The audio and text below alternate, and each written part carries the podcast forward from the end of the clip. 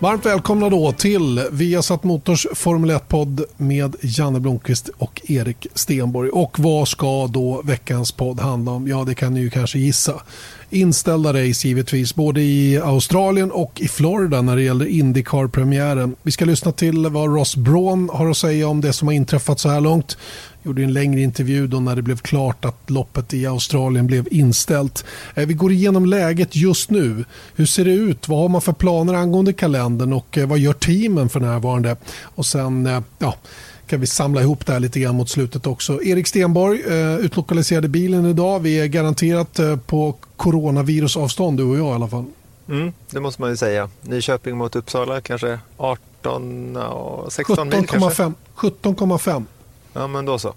Mm. Och sen får du dra av en och en halv för jag sitter ju där jag sitter i Lagga. Så att det, säg 16 då. Du hade nog ja. rätt från början. Ja, men det är det jag menade.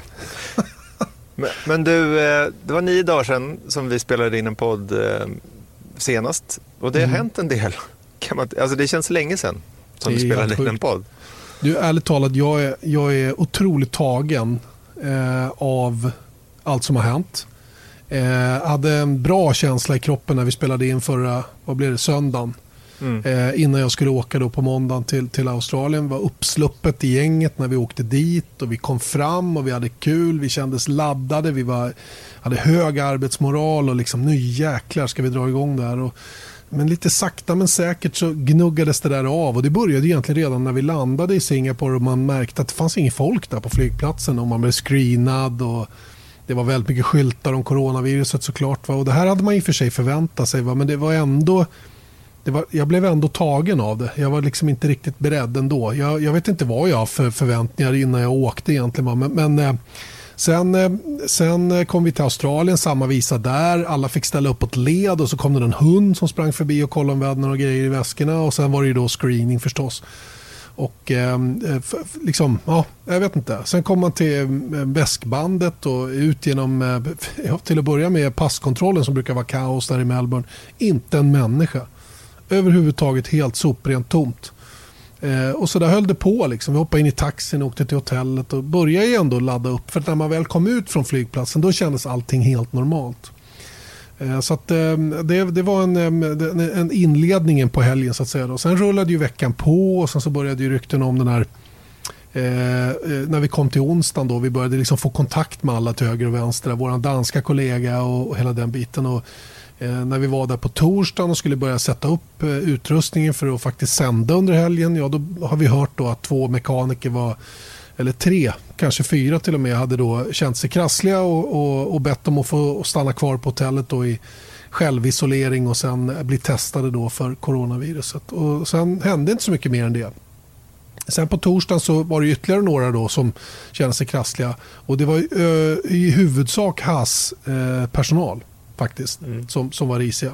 Eh, men det var alltså en McLaren-mekaniker också inblandad i det här. Det var ju till slut McLaren-mekanikern som befanns positiv Eh, på torsdag kväll. Och då tog ju liksom allting hus i helvete. Du var ju liksom inte närvarande för du var ju på andra sidan jordklotet och, och hade era issues med att åka till, till Florida.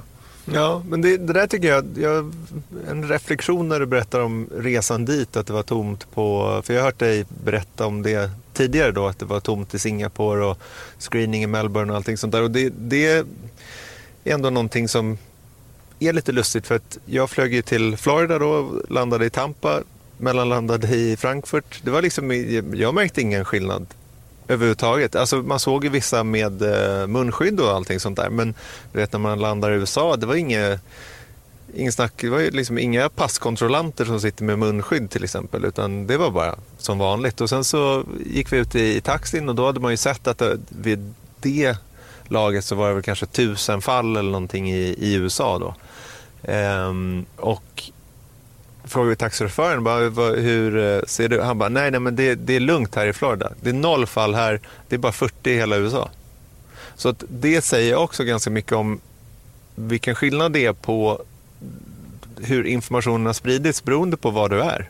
Mm. Jag menar, I Italien så vet alla om det här. I USA hade det ännu inte kommit dit så, på det sättet. så att säga. Så det var liksom, det florerade massa sanningar om, om hur det såg ut. Medan då hade vi sett statistik innan vi kom dit på att det var kanske 40 i Florida och några dödsfall där också. Så det, det säger ganska mycket om hela den här äh, senaste veckorna.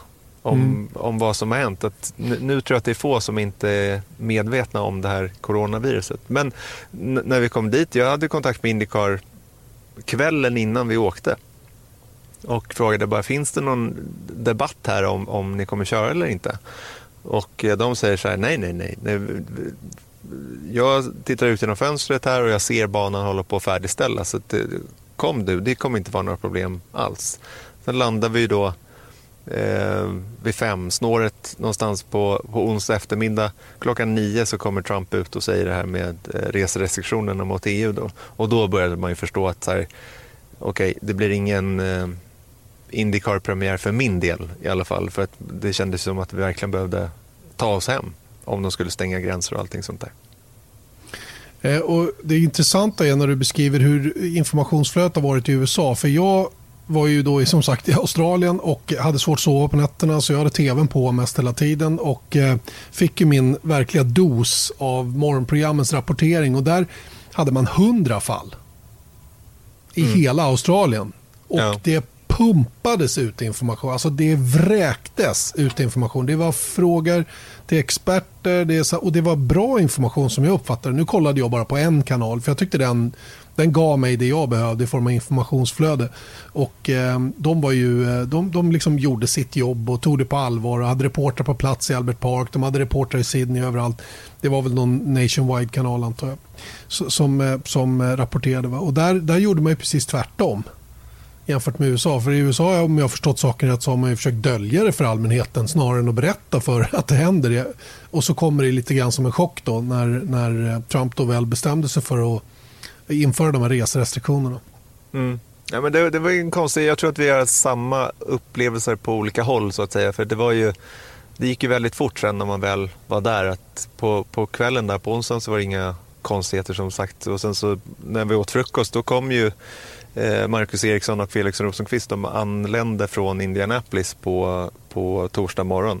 Och eh, då satt jag och, jag hade med mig min pappa till Florida, så då satt vi i eh, frukostmatsalen så kom de och satte sig vid ett bord bredvid.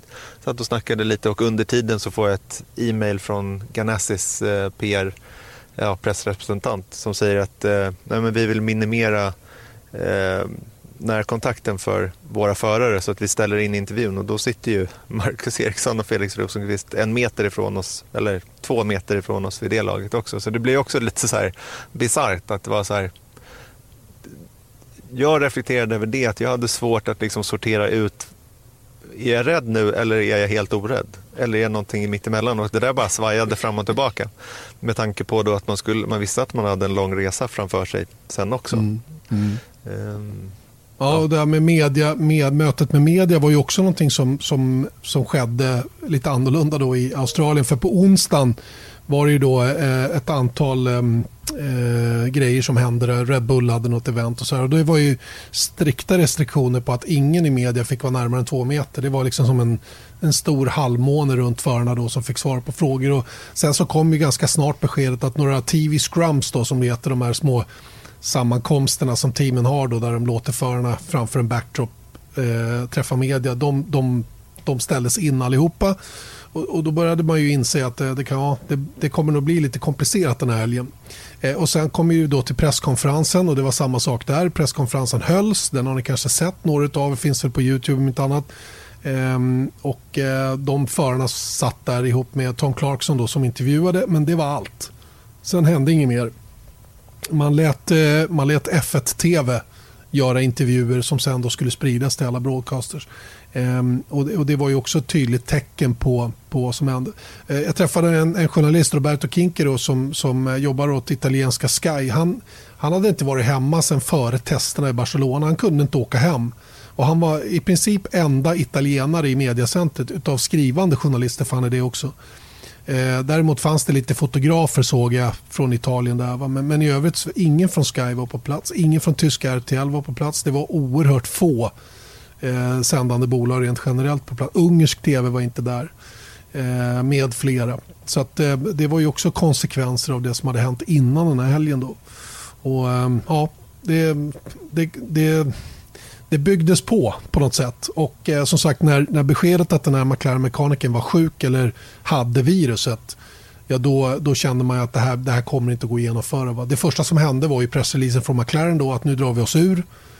Och eh, då kände väl i alla fall jag att okej, okay, nu, eh, nu är det nog kört den här helgen. Eh, sen har det ju funnits, fanns det ju massor med planer på eh, paddock lockdown och allt vad det nu var för att kunna genomföra racet. Och vissa team ville ju genomföra det, andra ville inte. Och det blev en ganska märklig situation på det. Det fanns ingen enighet bland teamen heller. Och Fia kunde inte stänga ner för de har ju inte pengar att ta eventuella kostnader för vad det skulle kosta att säga att nej, vi kan inte köra av hälsoskäl. Utan de måste vänta på att det är färre än 12 bilar tillgängliga innan de kan dra pluggen ur. Ja, då hamnade ju ansvaret på andra. Eh, förhoppningsvis på den australiensiska staten då att de säger att nej, ni får inte. Och det kommer ju sedermera då att vi kör utan publik. Eh, men sen så blev det ju eh, blev det ohållbart rent generellt och, och, och Formel 1 tillsammans med arrangören och, och, och Victoria, alltså de styrande i Victoria i delstaten där bestämde sig för att eh, stänga hela eventet. Då. Det tog tyvärr lite lång tid innan beskedet kom till publiken på plats för de stod ju faktiskt och köade för att komma in och tvåsitsbilen som alltid kör på morgnarna i Australien redan vid sju, kvart över sju började de att köra. Den började ju faktiskt att köra på fredag morgon. Men sen så eh, fick de ju upphöra med verksamheten då. Det gällde ju all racing då till slut. Mm. Och jag menar, det här är ju så otroligt likt egentligen. För det var ju precis samma sak i, eh, i eh, Florida också, när de gick ut med borgmässan och säger att nej, men vi ska försöka genomföra det utan publik med vissa eh, för eh, tillåtna journalister. Jag var en av dem då som hade rätt att, att komma in på området. Eh, och sen började de faktiskt träna. Indy Lights bland andra körde ju faktiskt en träningspass på fredagen innan de stängde ner det då. Och då var jag helt hundra på att nu, nu kommer det i alla fall köra. Men så fort eh, svängde det. Så att jag menar, om man tänker på tidsaspekterna där så var det ju väldigt nära på att de, att de, ja, de ville ju såklart hemskt gärna göra det, men, men det är ju, det var ju mer, en, mer så i F1 än i Indycar tror jag att de sitter och väntar på att någon annan skulle ta beslutet. Indycar har ju lättare för att stänga butiken så att säga då, även om det finns ekonomiska hänsyn att ta där också. Eh, så, så är ju Indycar en enda organisation och de kan ju snabbt säga att nej, vi kör inte liksom. Mm. Och, och, ehm, men Formel 1 är så himla många som är inblandade. Det är så, det är så lång näringskedja så att säga innan man kan säga stopp. Och eh, någon måste ju i slutändan ta ansvaret för att man säger att det blir inget. Och det är den ansvarsfrågan som är så svår att eh, liksom reda ut känns det som. Och det är väl det som gjorde att det drog ut på tiden. Mm. Du, jag tycker vi kan prata lite om eh, mer om det här, vad det lider såklart. Men ska vi lyssna till vad Ross Braun, alltså Formel 1 Sporting Director, hade att säga om anledningen, bland annat, då, eh, bland annat anledningen till att det tog så lång tid. Ross, the world is in an unprecedented situation with a pandemic in the form of the coronavirus, and the Australian Grand Prix has now been cancelled. But can we take it back a week to when the freight left Europe? Why was the decision taken then to race in Australia? Well, I think you have to go back even further because, I mean, sea freight's leaving for Australia three or four weeks before the race. Um, but we were very keen to have the race. I mean, it's a very positive event here. It's a great start to the season. We wanted to kick-start the Formula One season. Um, great race, great fans, um, wonderful weekend, huge enthusiasm here. We have a big impact on the economy here and we have an impact on our economy. I mean, Formula One has to function. You know, we have to make it work. So we looked at the whole situation, and when we decided to go ahead, it looked a bit different to how it looks now. And I think probably what's surprised everybody is the rapid expansion of this problem. Um, you know, the escalation of cases, certainly in countries like Italy, where you know, it's gone almost vertical in terms of no one, I think, could have expected or predicted that. You know, I spoke with um, Mattia Bonotto at Ferrari many times over the past few weeks, and you know, his his mood changed in the last five seven days with what he was seeing in Italy and what we had to look at in Italy. So we were kind of on this. Um, ship that had sailed, and we were uh, optimistic that we could get through it and we could get Formula One started and we can have a great race and just bring a bit of relief in difficult times. Um, I think once we had the positive case here, and once one team couldn't race because of that, then clearly we had a problem we had to address. There was a 12 hour gap between McLaren announcing their withdrawal from the race. And why did it take so long for any communication to come out? Consultation with um, consultation with the teams, consultation with the medical authorities, consultation with the FIA, consultation with the promoters here. I mean, I've been up all night. I think I had one hour sleep last night, one hour and a shower and back to the circuit. So, you know, we've been working on this since since it started. I mean, I was at a restaurant last night when I got the call uh, to say that we'd had a positive case. Steve was keeping me posted, and we'd had six or seven clearances, and then suddenly we had a positive case. So I had to come back, and that started, I guess, about nine o'clock last night, nine thirty, um, and we just had so many issues to work through. We had to get the teams together again, uh, hold a meeting. Uh, that it just all takes time. There's a lot of, you know, this is not a total autocracy in terms of you can't just make a decision. You've got so many factors to take into account. And I think we did a pretty good job of reaching the right conclusion with so many uh, parties, so many stakeholders involved. Um, you know, we're talking to we're talking to the FIA, which is in Europe, uh, European time. We had to get hold of Jean Todt. Chase, unfortunately, was in the air. He was flying between Vietnam and here, so so it was a it was a pretty stressful period. And and I think considering we dealt with everything in 12 hours for something that important was good. How much could you prepare for every eventuality prior to arriving in Australia? We'd, we'd mapped out with the health authorities here what would happen if we had one case, five cases, ten cases. But of course, what you never know with those cases is what the association is with the people around. And having one case with 14 people having to go into isolation, you know, that just effectively knocked that team out of uh, operation. And that uh, that's something you don't know. I mean, you know, if that one case um, could have been someone a different profile, different responsibility, it wouldn't have impacted the team that much. So there's certain things which you can spend forever just predicting, but you never know what's going to happen. But certainly the procedures for if we had a case or we had a batch of cases, that was all set out, and it worked very well. I mean, in reality, we found the case. You know, we found the person who was positive in the in the paddock, um, and I think that's a credit to the authorities here that they were identified, they were tested, the procedures worked, but then we had to make a decision. Have you ever experienced anything like this in your career before? I don't think anyone's experienced this in their lives. Um, you know, we've all been through the. I've been through financial crises. I've been through dramas, and uh, but you know, this the scale of this at the moment is is um, it, it's massive, and you know, we we're taking stock of the situation now with what we've learned from this weekend, and you know, we want to try and build the Formula One season back up, but we've got to be re- realistic about when that can start again, and that's what we're working on at the moment. Are we going to say what is the domino effect of this decision? Um, well, there's the economics for the teams. I mean, you know, the teams survive on their their uh, funding from races. Um, you know, so this will have an impact on the team's budgets for the future. Um, so it'll have an impact on our economics as a company. So, you know, each race you lose, then it has an impact. So, um, but you know, uh, there's quite a strong resilience in Formula One. I mean, we're used to, you know, fair degree cutting our cloth to suit, and uh, I think there's a fair resilience in Formula One, and we've got plans to rebuild the season, trying to accommodate as many of the lost races, because I think people have to have to show some tolerance now in terms of how we build the season for the rest of the year. And I think the teams are in the right place to realize that's necessary.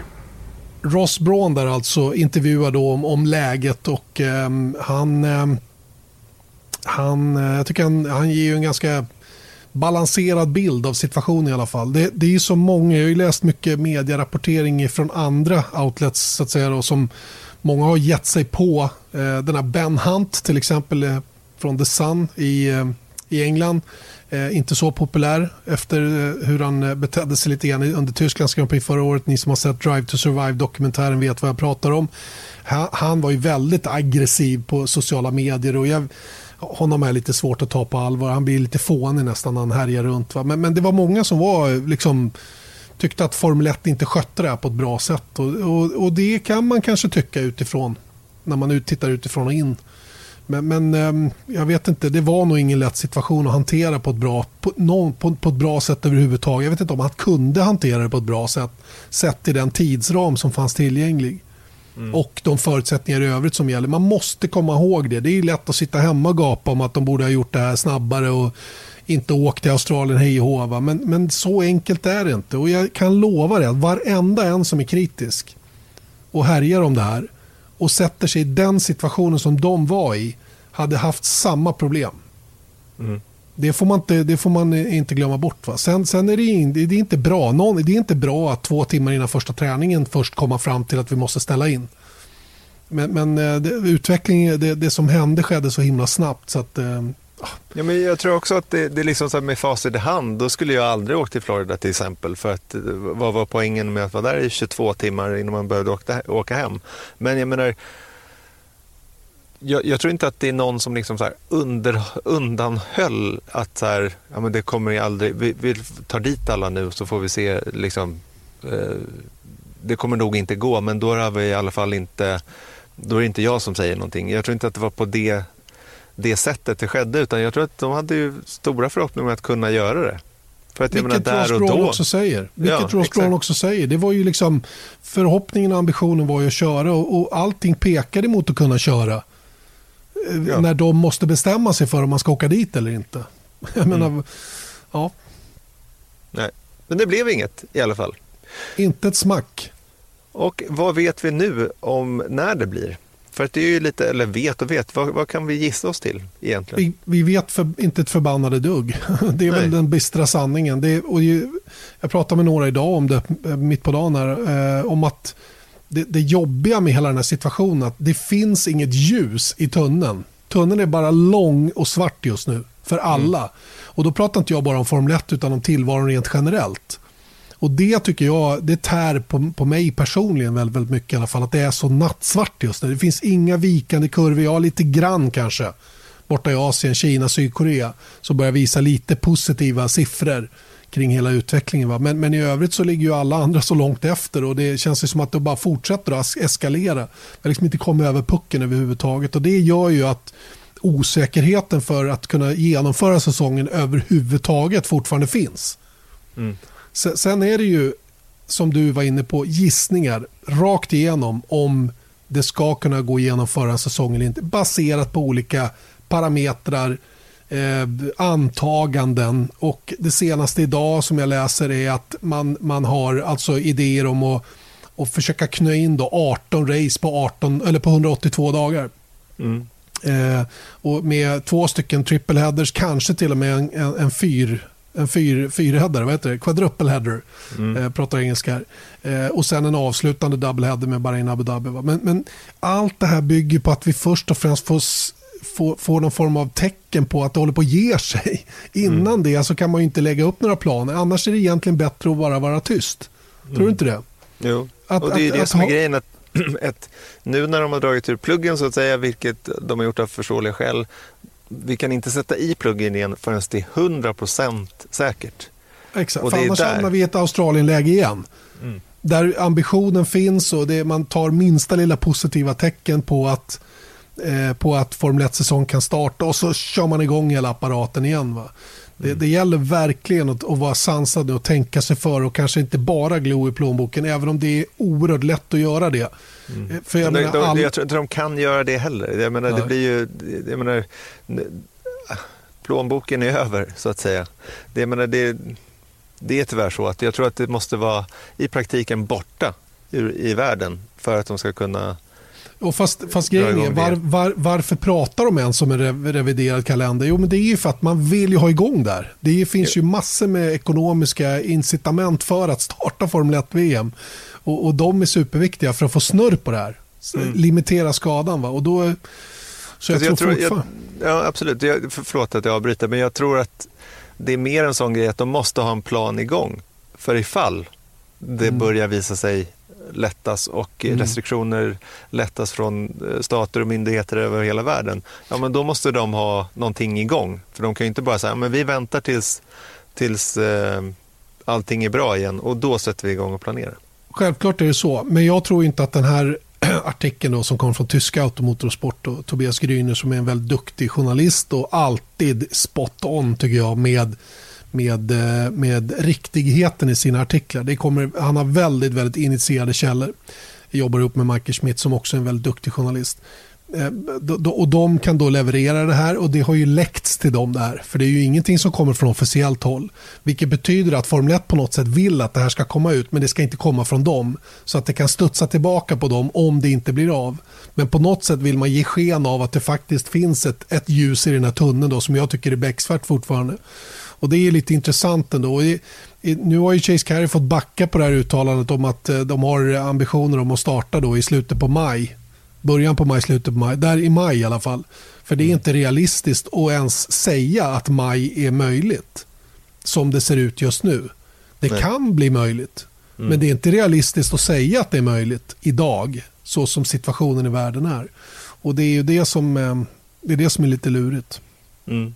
Ja, men då, det är det jag menar också, att jag tror att det finns, kanske inte så gigantiska sådana, men det finns också ekonomiska och eh, liksom PR-incitament att inte i det här läget säga att vi stryker säsongen 2020. Mm. Det hade de ju kunnat göra också. Jag menar, för att jag menar, who knows? Hemska tanke. Ja, ja men det, det kan ju ske det kan man ju vara tydlig med i alla fall. Det, det finns ingenting det... som ty, tyder på det just nu att, att det kommer ske. Men eh, det är ingen som ja, tyder det... på att det inte kommer göra det heller. Exakt vad jag tänkte säga. Det finns inget som tyder på motsatsen heller direkt. Så att, eh, just nu hänger vi verkligen och dinglar i luften här och, mm. och har ingenting att luta oss emot överhuvudtaget. Och det är den åter Millions of people have lost weight with personalized plans from Noom. Like Evan, who can't stand salads and still lost 50 pounds. Salads, generally, for most people, are the easy button, right? For me, that wasn't an option. I never really was a salad guy. That's just not who I am. But Noom worked for me. Get your personalized plan today at Noom.com. Real Noom user compensated to provide their story. In four weeks, the typical Noom user can expect to lose one to two pounds per week. Individual results may vary. Say hello to a new era of mental health care. Cerebral is here to help you achieve your mental wellness goals with professional therapy and medication management support. 100% online. You'll experience the all new Cerebral Way, an innovative approach to mental wellness designed around you. You'll get a personalized treatment plan from a therapist, prescriber, or both in a safe and judgment free space. Your cerebral therapist or prescriber will outline a customized plan with clear milestones along the way so you can get to feeling your best. With Cerebral, you're not alone in your mental health journey. We're here to empower you to live a fulfilling life. So take that first step towards a brighter future and sign up today at cerebral.com slash podcast and use code ACasts to get 15% off your first month. Offer only valid on monthly plans. Other exclusions may apply. Offer ends July 31st, 2024. See site for details. Alltså, som jag började med, det är den ovissheten som tär på mig. Och mm. det, det är på alla plan. Jag menar, titta på alla branscher. Gå mm. på en lunchrestaurang idag. Eller, eller vad det nu Det finns inga människor där. Det finns det. Det, det går från hyfsade intäkter till noll. Boom. Mm.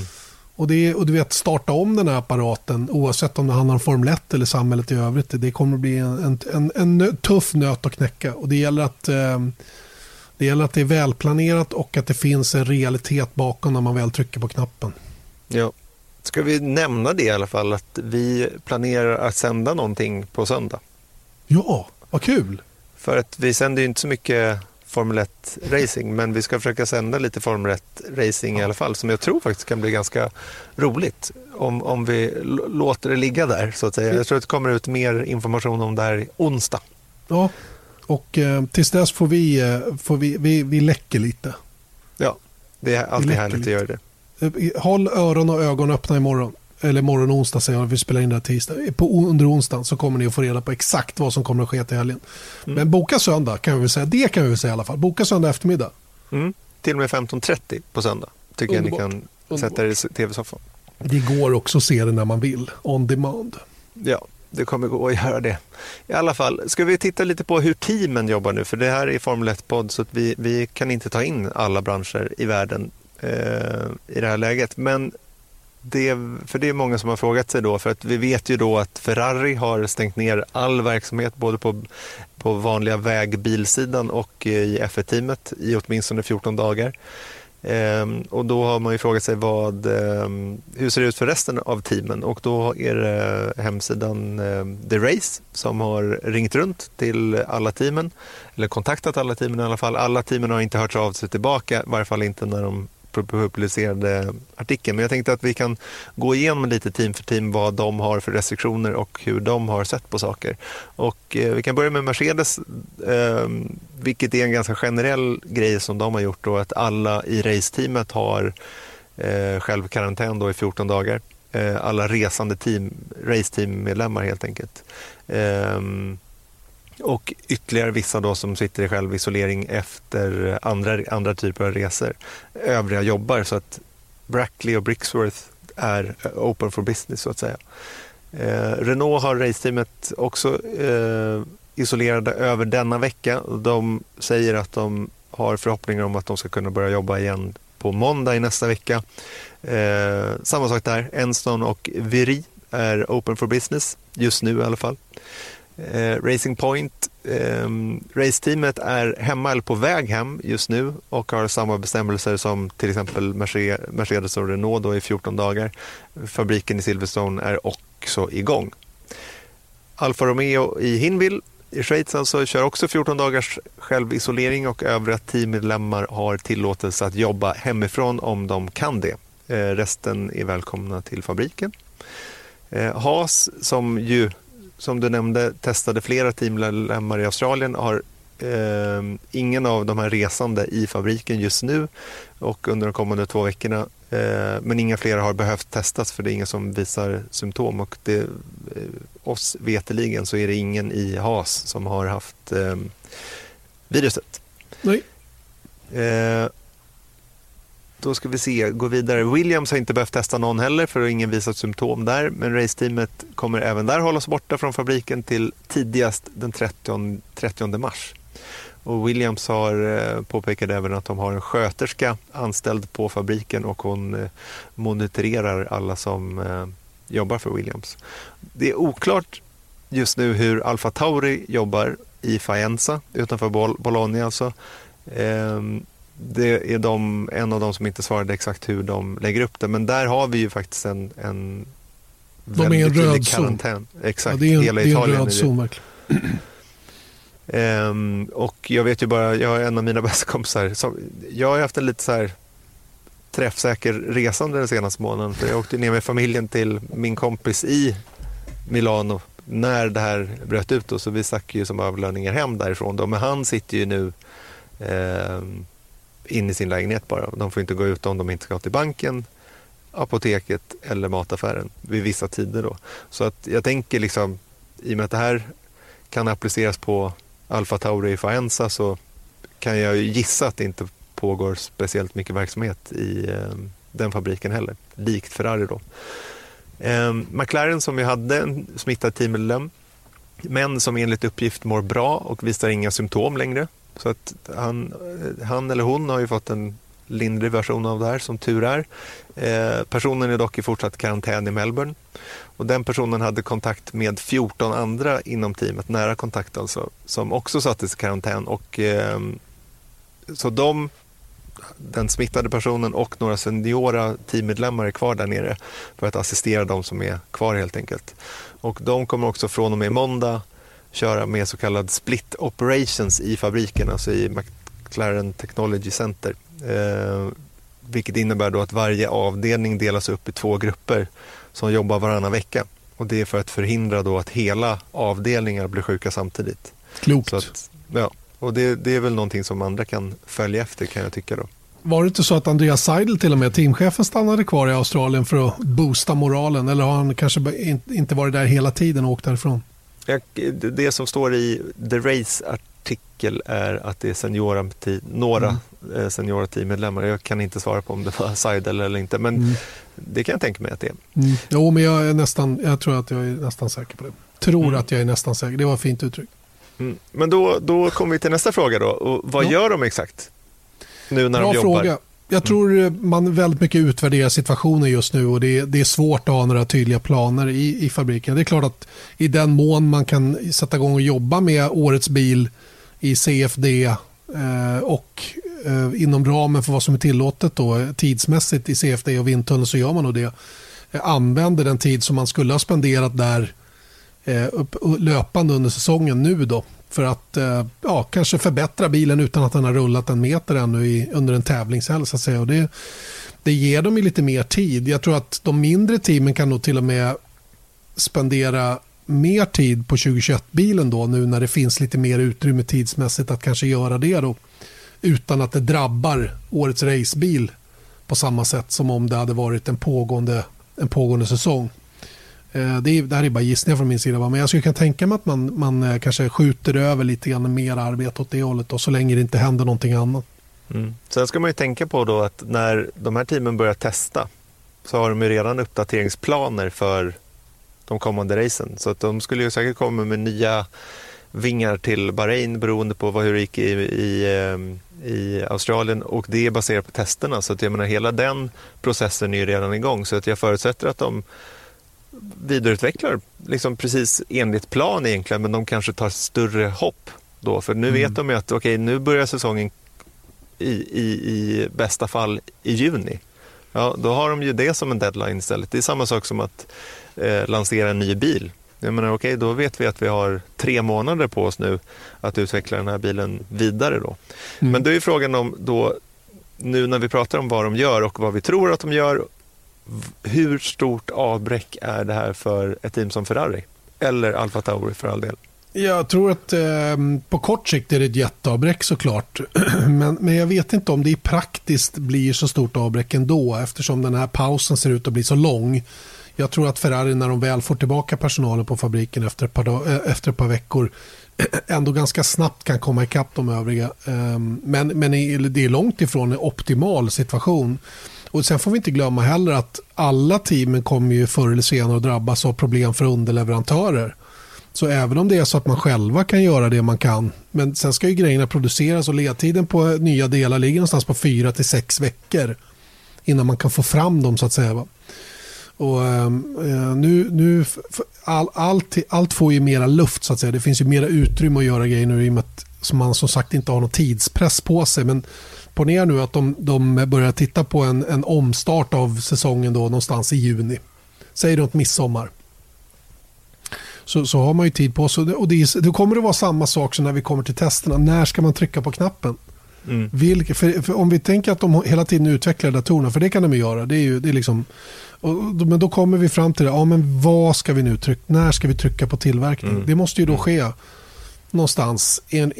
Och det är inte säkert att de ens har fått en hundraprocentigt klartecken att det drar igång då. Men kanske måste trycka på knappen för att börja produktion. Eh, någonstans en och en halv månad innan då det här inom citat tänkta datumet för att starta om säsongen. Så det mm. kommer bli lite klurigt när vi kommer dit. Va? Vissa tror jag kommer att bara helt enkelt eh, ta det säkra för det osäkra och köra med det man har. Eh, för, för eh, hur den är så finns det ju möjligheter också att spara en del pengar Mm. Samtidigt som det inte kommer in lika mycket pengar när läget är som det är. Så det här är, en, det, det, är superkomplicerat tror jag. Och, och eh, det är nästan lite fånigt av oss att sitta och, och tro att vi ska veta hur de tänker, hur de gör innan man vet hur, hur liksom förutsättningarna i övrigt. Ja, men det tror jag inte att vi riktigt hävdar att vi vet heller. Men jag tänker liksom som, som eh, Ferrari då, om man tar två delar på, på Ferrari, att det är ju just nu två veckors nedstängning. Det kan ju bli eh, åtta veckor Eh, och då kan vi mer eller mindre garantera att det inte är speciellt bra för F1-teamet att, att det är Visst. så. Visst. Ehm, sen så kan man ju se det som, om man tar Ferrari igen då, att om det nu var så att så som det tyddes, antyddes i alla fall att de kanske inte riktigt hängde med Mercedes. De hade ju liksom, med tanke på deras befintliga budget i alla fall, sen så är det ju inte aldrig bra att, eh, jag menar de säljer väl inte as mycket Ferrari-bilar i ett osäkert ekonomiskt läge heller, men jag menar, de, om man tänker på juni från och med nu, det är tre månader, det är nästan lika långt som ett vinteruppehåll. Mm. De har i praktiken tid att liksom göra om hela sitt koncept Ja. så länge de får jobba med det. Och så, de, så länge man har råd till det. Ja, råd Mm. och Mm. tid och Mm. eh, möjlighet rent eh, personalmässigt. Så att, jag, Mm. menar, det, jag tror att det kan hända ganska mycket hos många av teamen i alla fall nu. DAS, eh, DAS, alltså double access steering, det kommer ju varenda bil ha. Så länge de har råd med det. Nu, inte Red Bull, för de skulle ju protestera mot det har jag läst. Ja, men under tiden så bygger de nog sitt eget. Kanske. Kanske. inte det? Ingen aning, vi får Ja. se. Eh, det, det där är ju en luring. Vi har nästan glömt bort att det fanns sådana aspekter på Formel 1 också. Att det faktiskt fanns lite spår. För hela uppsnacket inför Australiens Grand Prix var ju alla protester som var potentiella. Mm.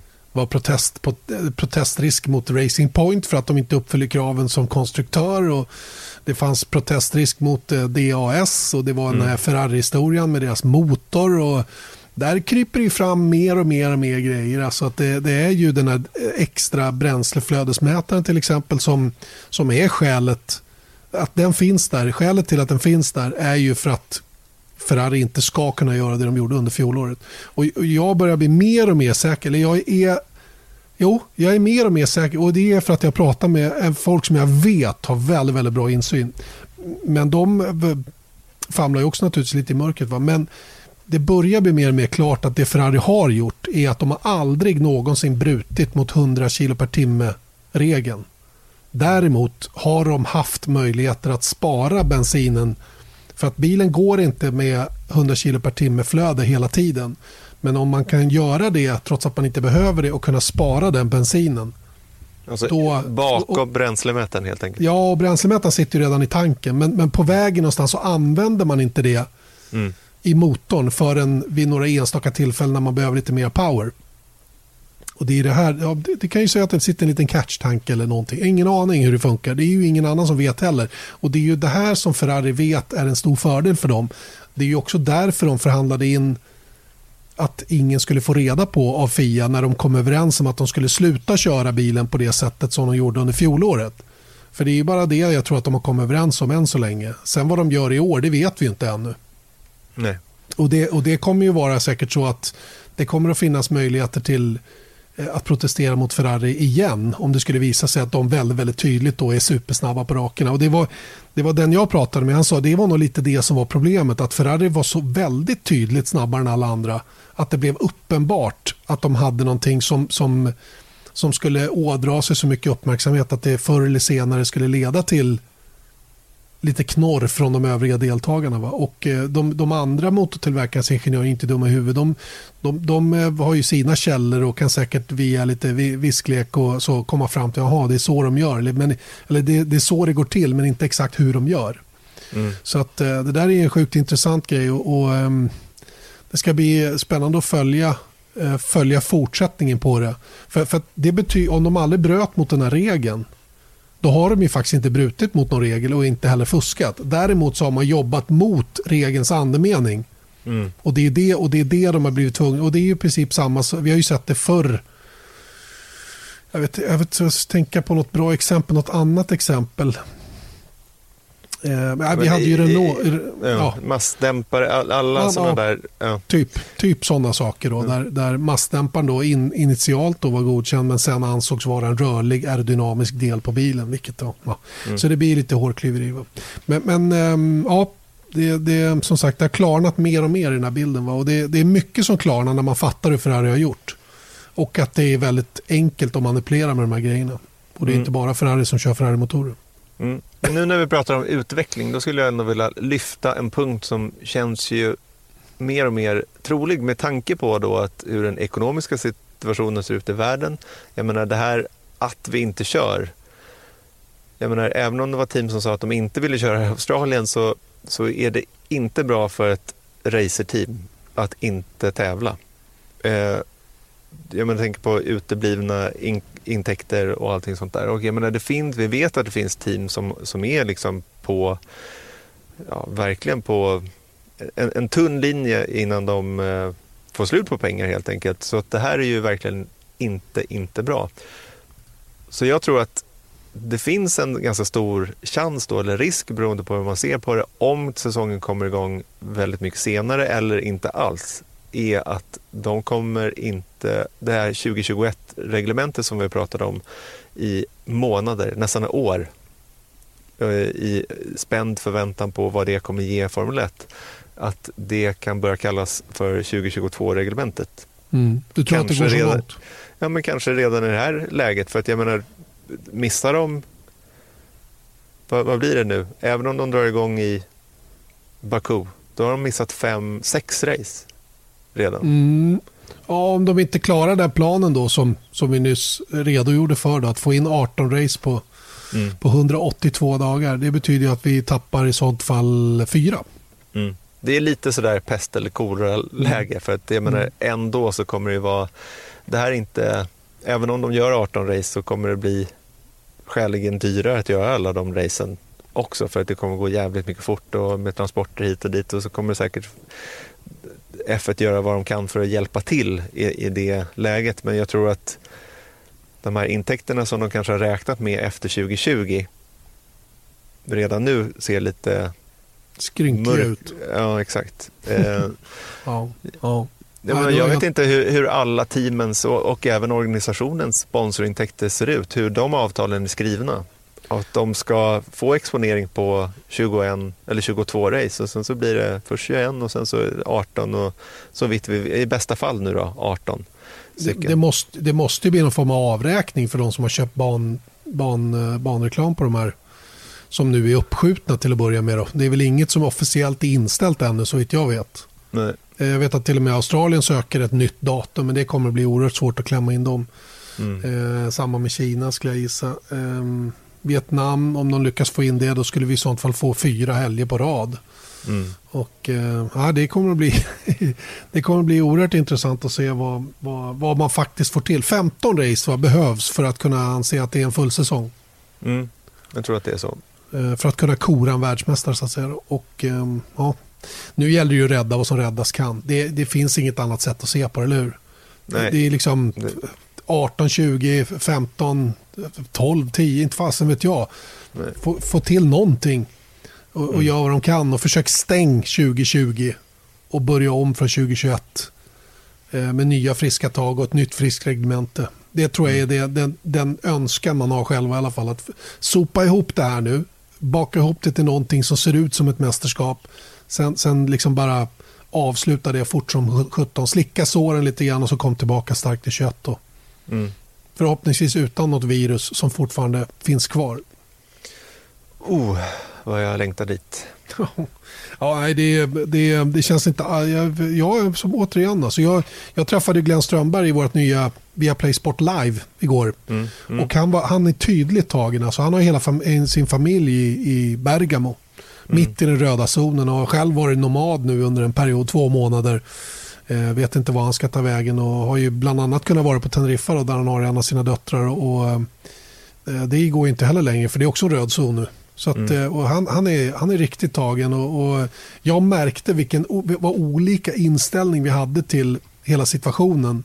Just för att han har varit i den och varit så nära den och har många vänner och bekanta som är nära den och jag som har varit så långt bort från det som man kan komma egentligen. Och, och det är ju hela det där som gör att um, retoriken runt viruset och det som är för närvarande skiljer sig så. Vissa uttrycker sig som att vilket jävla, vad är det här för skämt? Det är ju över, överreaktion en mass. Och andra säger att det här är superallvarligt. Mm. Och det beror ju helt och hållet på vad man har för ingångsvärden i det. Ingen, ingen har kanske till 100% rätt. Men det känns ju som att det rimliga är att försöka lyssna på dem med, med expertis. Då.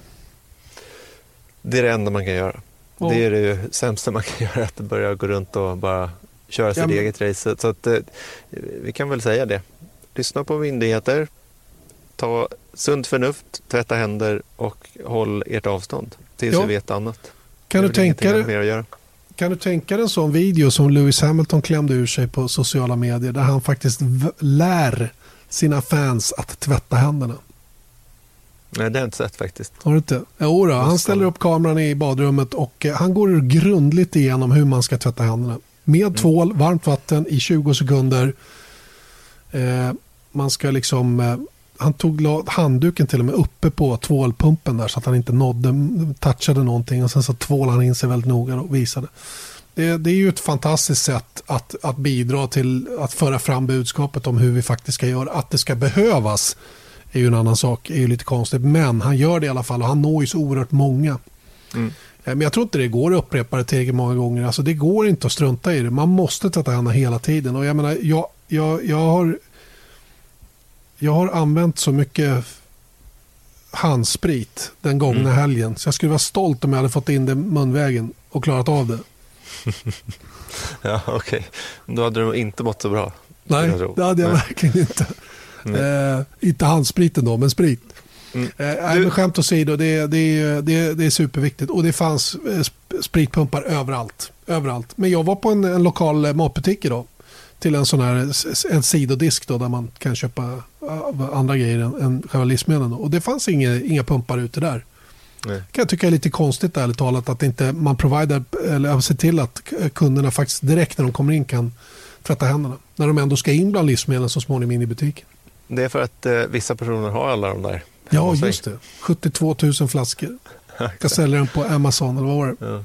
Jag har försökt i två veckor att köpa en sån här hemmapump, men jag har inte Nej, lyckats.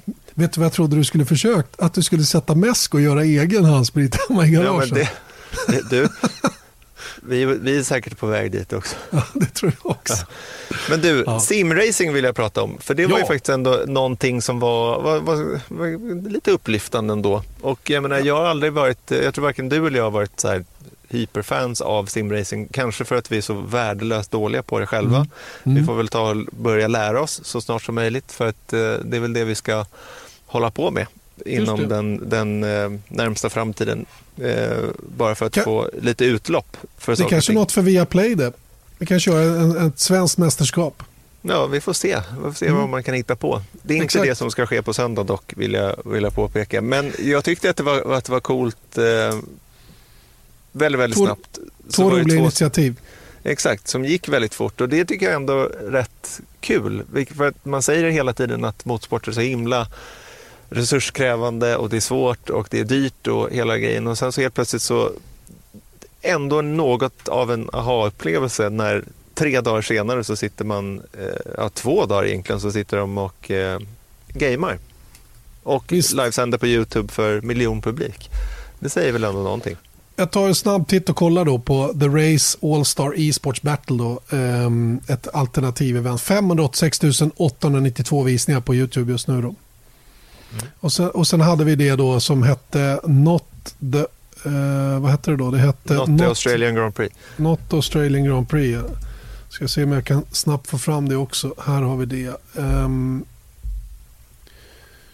de hade 378 340 40 visningar. Och det streamade för en dag sedan. Så att, eh, det är bra. Det är nästan en miljon. Mm.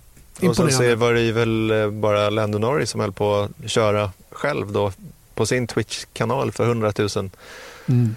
tittare bara där då. Sen så, jag menar, det här är inga F1-siffror eh, direkt ändå, men jag tycker ändå att det är eh, det var roliga initiativ och det kommer komma många, många fler. Och vi, det, vi har all anledning att återkomma till simracing i kommande poddar och kanske även mm. i program och även på Youtube-kanaler och annat.